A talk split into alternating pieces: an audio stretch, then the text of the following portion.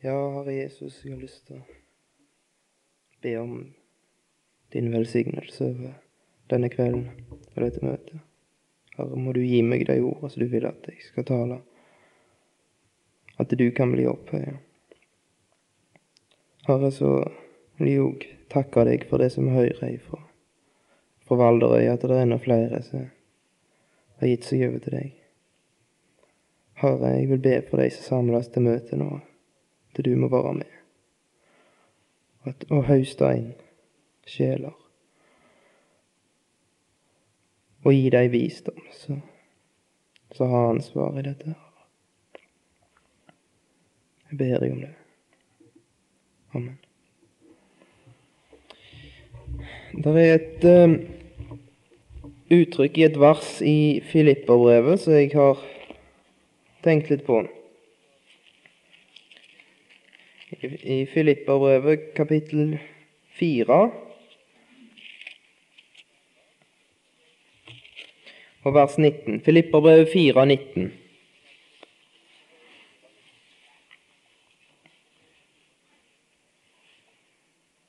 Så sier Paulus dette Min Gud skal etter sin rikdom fylle all deres trang i herlighet i Kristus Jesus. Min Gud, sier han. Bare, han sier ikke bare 'Gud skal', det kunne han jo sagt, men han sier 'min Gud'. Spesielt, han har et spesielt forhold til denne personen. Nå skal vi ta oss og lese litt om denne personen, Paulus, som sier dette her. Han beskriver noe av livet sitt i andre korinterbrev.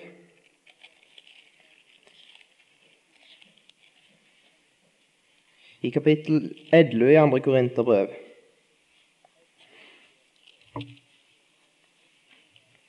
Altså der heller han en forsvarstale for seg sjøl, og så, så, drar han fram hva som har vært hans, hans liv etter han kom til true. Jeg skal lese fra 2. Korinterbrev, kapittel 11, vers 23. Er De Kristi tjenere? Jeg taler i vanvidd, jeg er det enda mer. Jeg har arbeidet mer. Jeg har fått flere slag. Jeg har oftere vært i fengsel. Jeg har ofte vært i dødsfare. Av jødene har jeg fem ganger fått 40 slag på ett nær. Tre ganger har jeg blitt hudstrøket, én gang steinet, Tre ganger har jeg lidd skipbrudd. Et døgn har jeg vært i dypet. Ofte har jeg vært på reiser, i fare på elver, i fare blant røvere, i fare blant landsmenn, i fare blant hedninger, i fare i by, i fare i ørken, i fare på hav, i fare blant falske brødre, i slit og strev, ofte i nattevåk, i sult og tørst, ofte i faste, i kulde og nakenhet. Foruten alt annet har jeg det som daglig ligger over meg, i omsorgen for alle menighetene. Hvem er svak uten at også jeg blir svak? Hvem voldes anstøt uten at det brenner i meg? Er det nødvendig at jeg roser meg, da vil jeg rose meg av det som hører min skrøpelighet til. Her er det en en person som bruker dette uttrykket 'min Gud'. Og så har han opplevd dette her i sitt liv med han. Så kan vi, kan vi tenke det Hvorfor er ikke Gud god? Vil ikke Gud at vi skal ha det godt? Og så lar han en person som lever livet sitt for han, han lar han gå gjennom sånne vonde ting som dette her. Og vi kan kan mange ganger undre oss. Hvis vi leser i, i Bibelen, så kan vi lese store løfter i Salme 91. Jeg må lese noen kjente vers.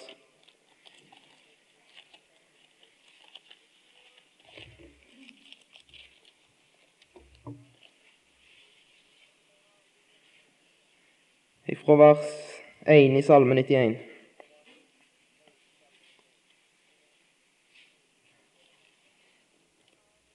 Det står det den som sitter i den høyestes ly som bor i den allmektige skygge, han sier til Herren, min tilflukt og min borg, min Gud, som jeg setter min lit til. For han frir deg fra fuglefangerens snare, fra ødeleggende pest. Med sine vingefjær dekker han deg, og under hans vinger finner du ly. Hans trofasthet er skjold og vern. Du skal ikke frykte for nattens redsler, for pil som flyr om dagen, for pest som går fram i mørket, for sott som ødelegger ved middagstid. Om tusen faller ved din side og ti tusen ved din høyre hånd, til deg skal det ikke nå. Du skal bare se det med dine øyne, se hvordan de ugudelige får sin lønn. Så kan vi undre oss Hvorfor er det ikke så? For det er jo ikke det Paulus hadde opplevd.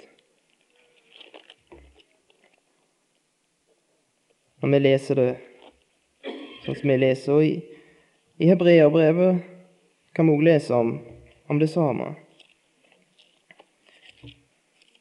Hebreabrevet 11.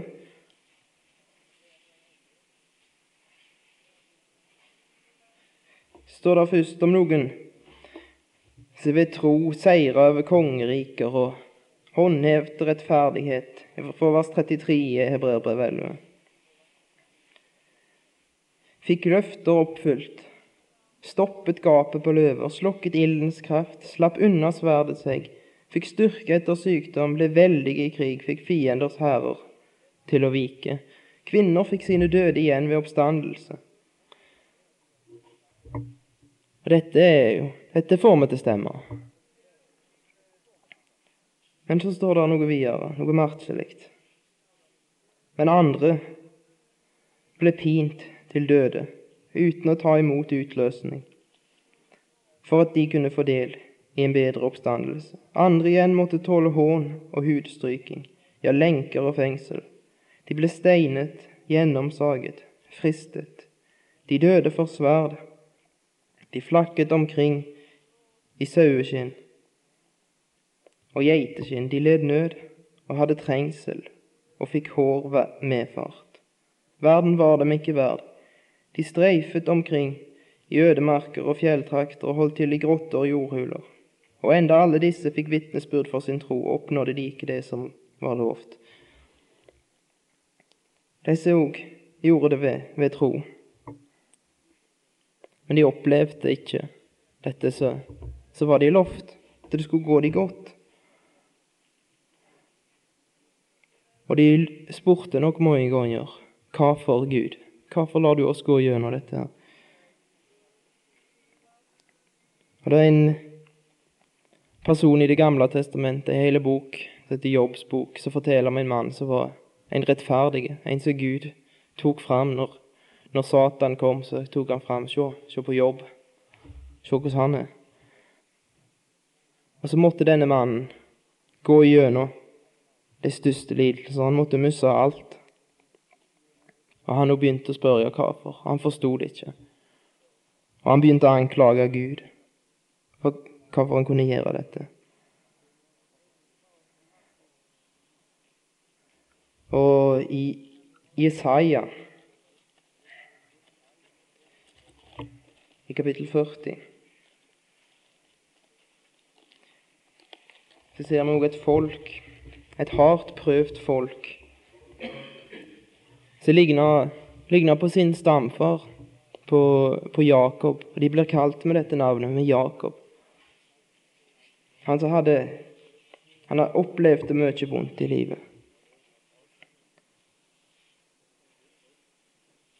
Og så sier dette folket, hvis vi leser Vi kan lese i Isaias 40 fra vers eh,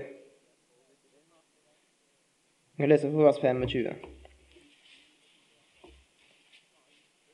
Hvem vil dere da ligne meg med, så jeg skulle være ham lik, sier den hellige. Løft øynene opp mot det høye og se. Hvem har skapt alt dette? Han er den som fører deres hær ut i fastsatt tall, og som kaller dem alle ved navn. På grunn av hans veldige kraft og hans mektige styrke savnes ikke en. Men så hadde dette folket opplevd trengsel og, forfølgelse og blitt drevet vekk av sine fiender. Undertrykkelse.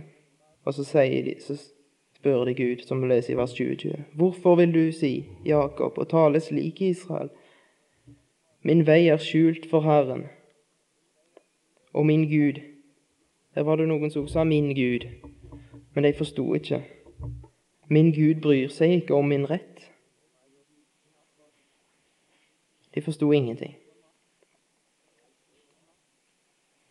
Men så er det et svar som Jobb får i uh, Jobb 35, 14. Så får han et svar ifra Elihu når han opp, sier at Gud ikke ser han.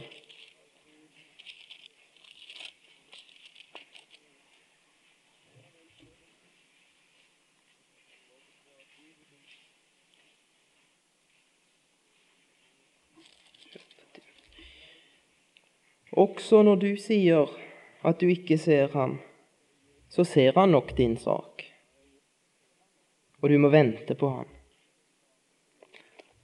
Og det er det svaret Israel får i Isaiah 40 òg. Vet du det ikke, eller har du ikke hørt det? Herren er den evige Gud som skapte jordens hender. Han blir ikke trett, han blir ikke utmattet, hans forstand er uransakelig. Han gir den trette kraft, og den som ingen krefter har, gir han stor styrke.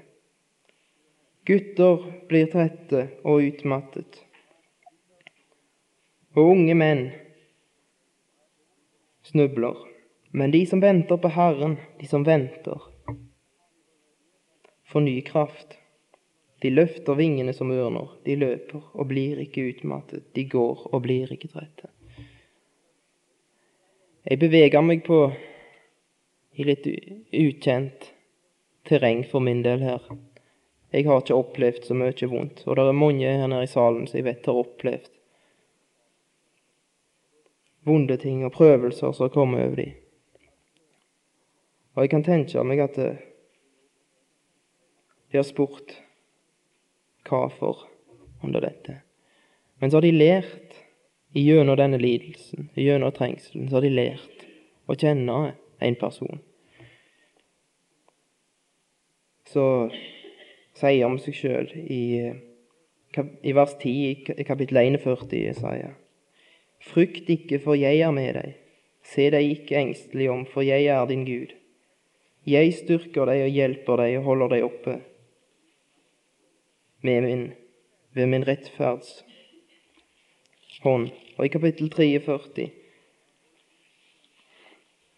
kjente vers fra vers 1 i kapittel 43, og god vers. Og nå, så sier Herren som skapte deg, Jakob, som dannet deg, Israel, frykt ikke. Jeg har gjenløst deg, kalt deg ved navn, du er min.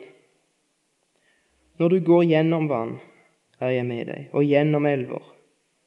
De går gjennom trengselen her. Men når du går gjennom vannet, er jeg med deg, og gjennom elver skal de ikke overskylde deg. Når du går gjennom ild, skal du ikke svies, og luen skal ikke brenne deg. For jeg er din Gud. Jeg er Herren din Gud, Israels hellige, din frelser. Og lært, de lærer Gjennom trengselen så lærer vi å kjenne Han som en som er der òg, en som er med. Gjennom alt. Det er en eh, Jeg tror det var Aurebekk som fortalte om noen som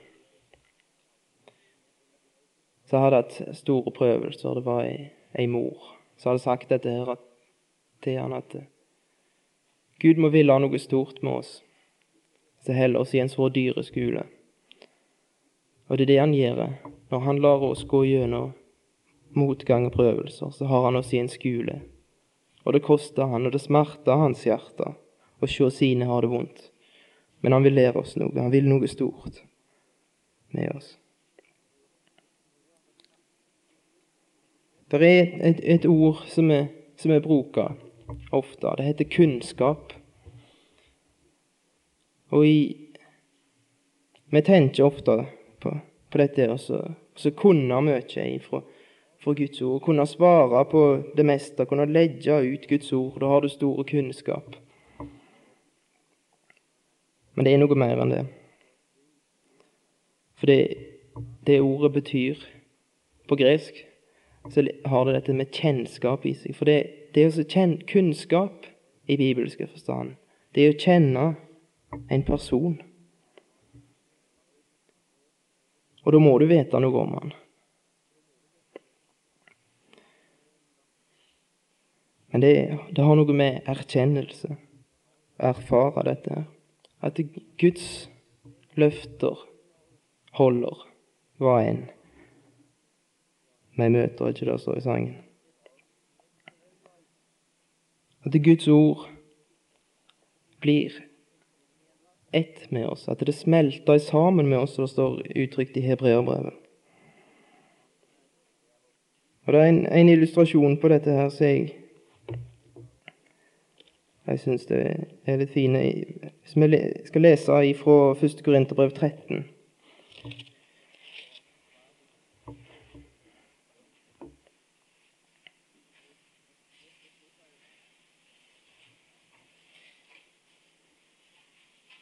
Første Korinterbrev 13, vers 8.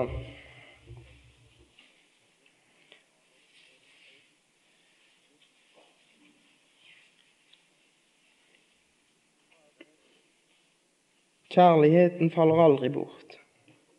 Men om det er profetiske gaver, da skal de få ende. Eller er det tunger, skal de opphøre. Eller det er kunnskap, skal den ta slutt. For vi forstår stykkevis, og vi taler profetisk stykkevis. Men når det fullkomne kommer, da skal det som er stykkevis få ende. Da jeg var barn, talte jeg som et barn, tenkte jeg som et barn, dømte jeg som et barn. Men da, jeg ble mann, la jeg av det barnslige. For nå ser vi som i et speil i en gåte, men da skal vi se ansikt til ansikt. Nå kjenner jeg stykkevis, men da skal jeg kjenne fullt ut, like som jeg selv er fullt ut kjent. Men nå blir de stående, disse tre. Tro, håp og kjærlighet. Men størst blant dem er kjærligheten. Og Det bildet jeg tenker på, det i, i, det nye, i, i evangeliene i Det nye testamentet så leser vi ofte om uh, et bryllup. Og vi får vite flere personer i dette bryllupet. Vi får vite om, om brudgommen, vi får vite om, om brudgommens far. Vi får vite hvem som blir gjester i dette bryllupet. Men det er en person som aldri blir nevnt, og det er bruden. Og så får vi åpenbart i Efeserbrevet 5 at det er vi.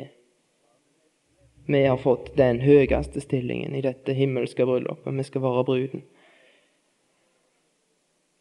Og så er det da en fortelling i Det gamle testamentet om en, en mann som sendte ut en tjener for å skaffe ei brud for sønnen sin. Det var Abraham som skulle skaffe Isak ei brud. Og Så sendte han ut en tjener, og tjeneren kom til det landet han skulle til, og så traff han ei jente, Rebekka. Og så står det at han gav henne gaver. Han gav henne noen tegn på at hun skulle tilhøre en annen. Han gav henne en ring i nesen, blant annet. Så vidt jeg har forstått, så er et tegn på det. Og Det er noe det vi leser i, i vers 8 i, i 1. Korinterbrev 13, om gaver som Gud har gitt til menigheten. Og han gav òg den, denne Rebekka som hadde sagt ja til å følge med tjeneren, hun fikk sette seg opp på en kamel, og så begynte hun på veien imot Isak. Så på en måte tilsvarer livet vårt her nede.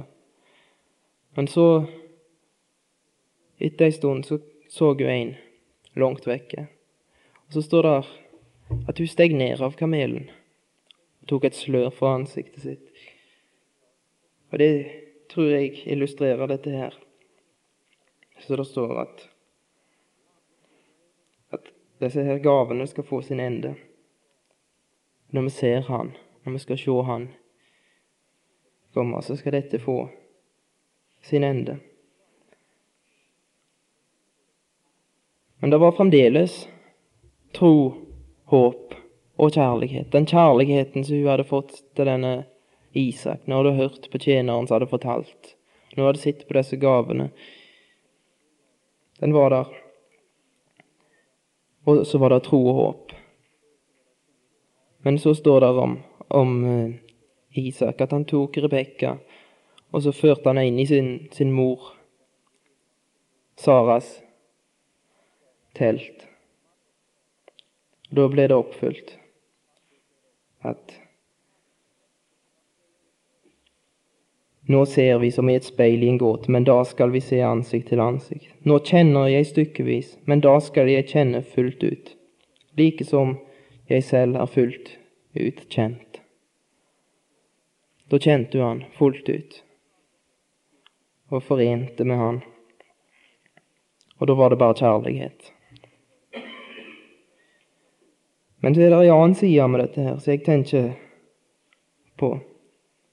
Og det er at i vårt praktiske liv med Gud, så er det så for oss at vi, vi har fått gaver, og så blir vi voldsomt opptatt med disse gavene. Og Det står noe om, om, å tenke som et barn og dømme som et barn her. Og Hvis du gir, gir noe til unger, så blir de glad i deg med en gang. Men de har et forhold til folk at de er glad i dem av det de har fått. Men så er det noe som skjer når, de blir, når vi blir eldre. Så begynner vi å bli glad i folk og elske folk av noe annet, av det de er. Ikke av det om de gir oss noe. Vi bryr oss ikke mye om det. Og det, det er det forholdet Herren vil at vi skal ha til Han. At vi skal elske Han for det Han er. Og Derfor så, så tar Han vekk av og til. Tar vekk det som gleder oss, alt det som Han har gitt oss. Tar det vekk ifra oss. For at vi skal lære noe. Vi skal, skal lære Han å kjenne, Han alene. I, uh, det er en person som opplever dette i, i salme, i salme 73. Det er Asaf.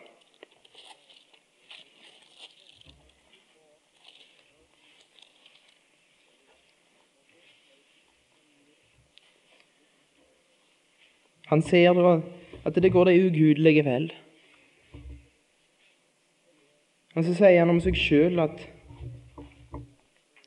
Fra vers 13, for eksempel, at Forgjeves har jeg renset mitt hjerte og tvettet mine hender i uskyld. Likevel ble jeg plaget hele dagen. Hver morgen kom til meg med tukt. Så står det at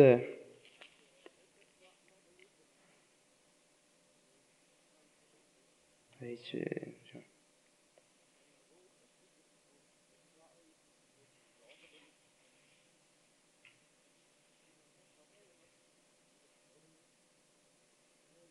Ja, jeg finner ikke det verste, men det står på lite nær hadde mine trinn glidd ut en plass. Dette gikk så inn på han. Men så gikk han inn i Herrens helligdommer, Guds helligdommer, og ga vakt på hvordan det gikk disse til slutt. Og så fikk han det rette perspektivet. Og så sier han i vers 23 da har han fått nok med Jesus alene. Men jeg blir alltid hos deg. Du har grepet min høyre hånd. Du leder meg ved ditt råd, og deretter tar du meg opp i herlighet. Hvem har jeg ellers i himmelen? Det er det. Det er det vi lærer når han tar vekk ifra oss alt annet. Da finner vi ut at vi har ingen andre. Vi har bare én å gå til. Det er bare én. Har han sett at om enn mitt kjød og mitt hjerte svikter, så er Gud mitt hjertes klippe og min del for evig. Og i vers 28 Men for meg er det godt å holde meg nær til Gud.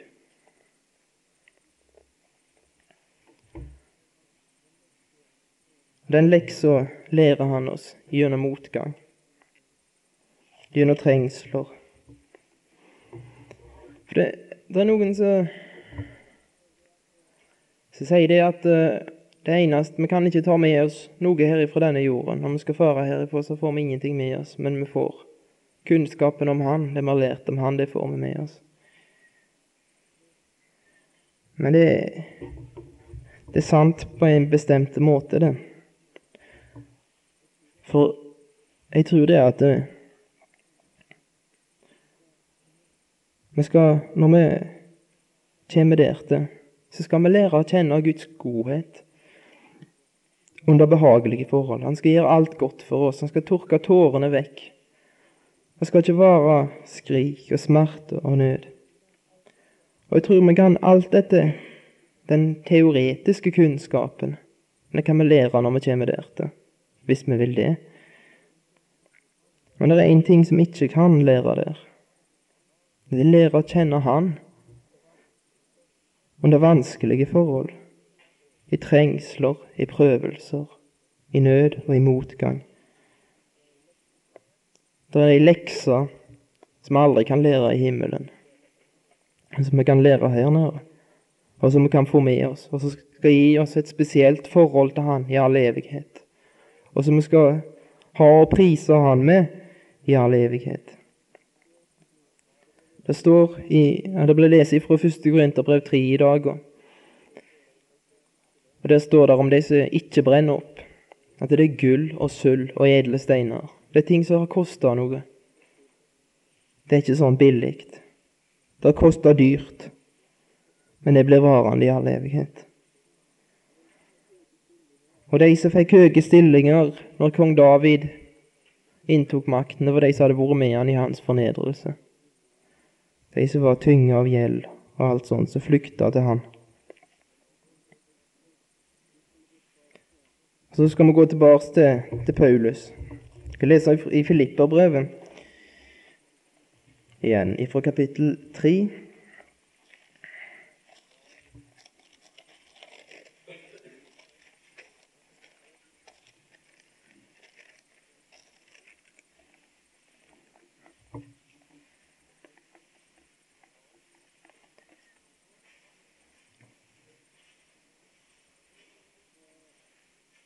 fra vers 7 i Filipperbrevet 3.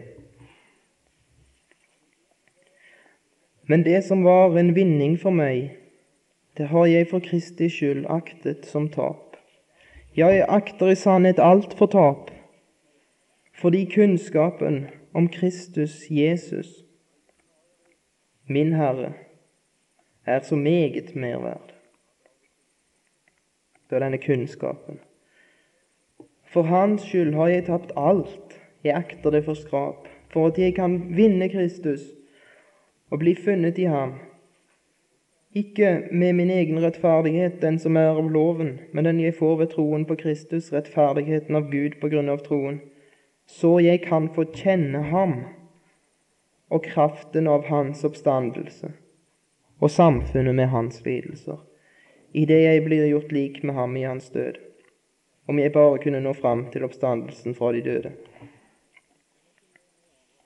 Men her kommer det inn ei annen side med dette her. For det er mange lidelser og prøvelser vi må gjennomgå som ikke kan noe, gjøre noe med. De kommer over oss uten at vi har noe å stille opp med. Men av og til så er det mulighet for oss for å trekke oss unna, for å gå en lettere vei. Det står om en i, i hebreerbrevet som valgte heller å lide ondt med Guds folk enn å ha en kortvarig nytelse av synden. I Jobb Så blir det også sagt noe i vers, kapittel 36 til kapittel 36, 21. Jeg skal bare lese det. Altså. Vokt deg, vend deg ikke til synd, for det foretrekker du framfor å lide. Og Det er en fare det for oss, til vi foretrekker den lettere veien. Og Paulus kommer med en, en inntrengende formaning til sin venn Timotees. Lid ondt med meg som en Jesu Kristi stridsmann. For det står om ei annen brud òg i, i, i, Bibelen. I Esekiel så står det om ei, ei ung jente som Gud Herren fant, liggende naken. Og så bretter han sin kappe over henne, står der, og så, så kletter han henne opp i fine klær. Og gav henne de samme tegnene som ble gitt i, til Rebekka, en ring i nesen og ring rundt armen. Det var tegn på at hun skulle tilhøre han alene var hans brud. Men denne bruden Hun tilfredsstilte sin lyst med de andre. Hun drev hor, står det. Hun valgte denne verden sin lyst som tilfredsstillelse i stedet for Gud. Måtte det ikke være så med oss.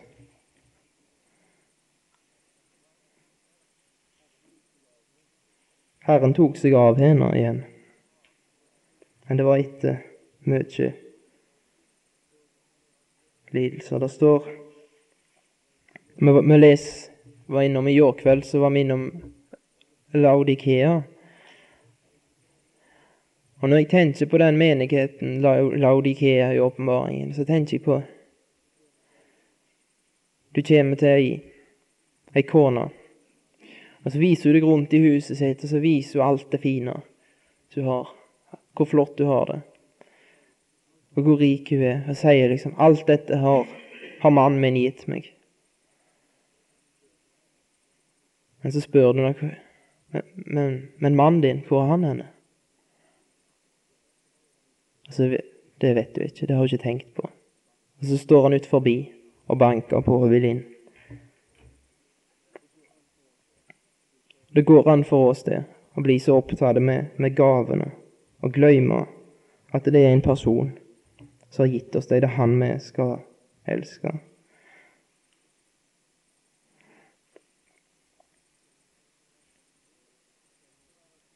Og på den måten så skitner vi til de klærne som vi har fått ifra han. Med denne verdens ting. Og så risikerer vi det at vår nakenhet blir vist fram igjen, det står om i, i åpenbaringen og i Esekiel. Vi har fått et løfte. Det, det er ikke noe godt løfte ifra Jesus. I verden har dere trengsel, sier han. Men det er den eneste måten vi kan lære han å kjenne, sånn som vi skal lære han å kjenne ved å gå ut til ham utenfor leiren og bære hans vanære. Men så må vi finne ut det, at det som vi leser fra Salme 91, det er sant. Midt i trengselen. I all deres trengsel var det ingen trengsel, står det i Isaiah. Det var en person som jeg leste en biografi om, en som heter en amerikaner som heter Jim Elliot. Han eh, reiste ut som misjonær til Sør-Amerika, til indianerne der, og måtte dø for evangeliet. Han måtte dø for Herren. 20-20 år gammel. Ble drept av indianerne. Denne mannen sa det. He is no fool who loses what he cannot keep to gain what he cannot lose. Han er ingen dåre så taper det som han ikke kan beholde, for å vinne det som han aldri kan miste.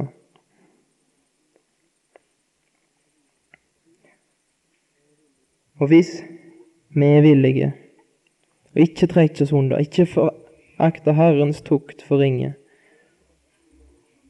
Men vel å stride for Han og løpe dette løpet som vi har hørt om. Om det skulle koste, så skal vi få si som Paulus, min Gud, klippen hvor fullkomment er hans verk. Så slipper vi si Paulus sin Gud, eller noen andre sin Gud, noen store. Men da kan vi si min Gud. Jeg vet på hvem jeg tror. Men så er det Jeg kan tenke meg det at det er, kan være noen her i, i kveld så, jeg tenker så at ja, jeg har det godt med Gud nå, men, men hva hvis jeg må gå gjennom vanskeligheter og vonde ting, sånn som dette her? Hvordan vil det gå med meg? Vil jeg heller ut? Vil ikke jeg svikte da? Og så kjenner vi oss sjøl så godt at vi vet at vi svikter lett. Men heldigvis så er det et svar på dette i, i Romerbrevet 8.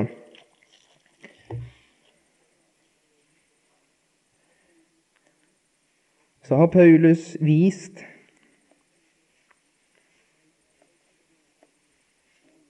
at eh, veien til uforgjengeligheten går gjennom forgjengeligheten, og at det er trengsler.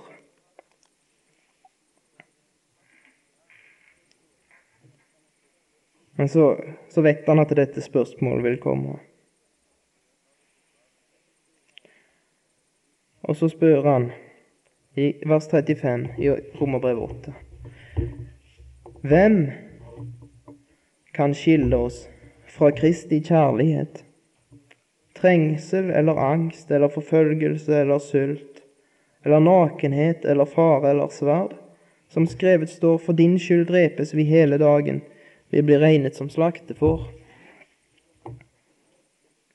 For det er det vi tenker.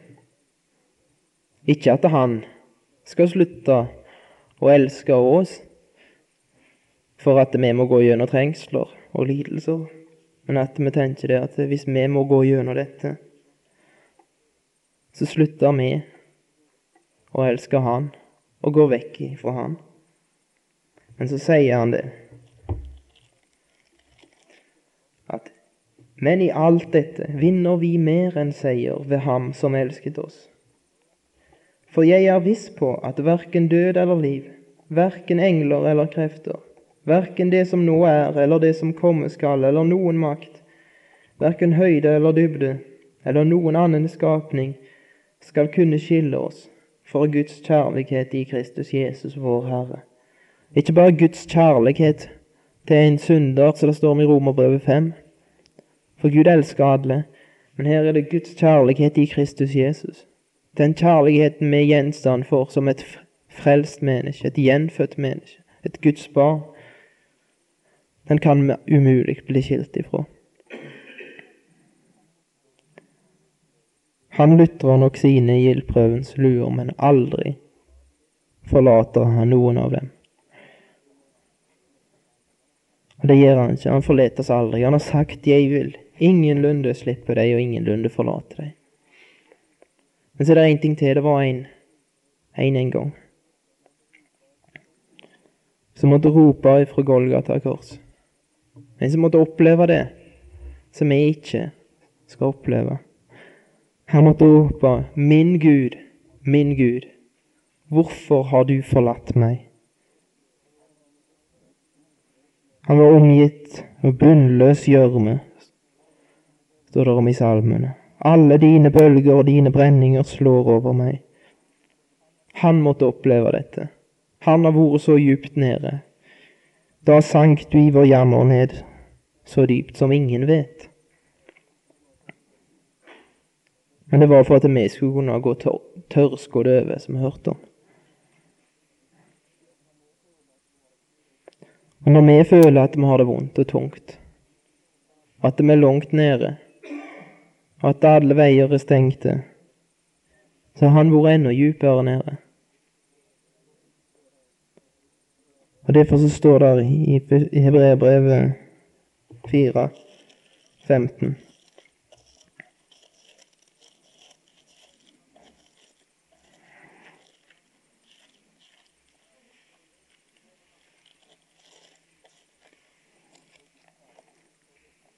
for vi har ikke en ypperste prest som ikke kan ha medlidenhet med oss i vår svakhet, men en som er prøvet i alt, i likhet med oss, men uten synd.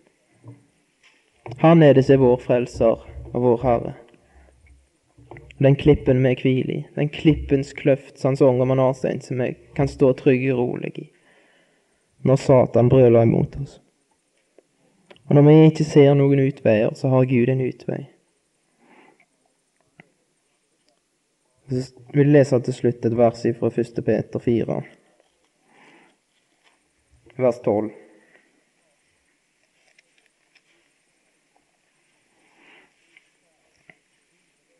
Mine kjære, undre dere ikke over den ild som kommer over dere til prøvelse, som om det var noe merkelig som hendte dere. Men i samme grad som dere har del i Kristi lidelser, skal dere glede dere. Tenk det, du. For at dere også kan juble i glede når Hans herlighet blir åpenbart. Amen.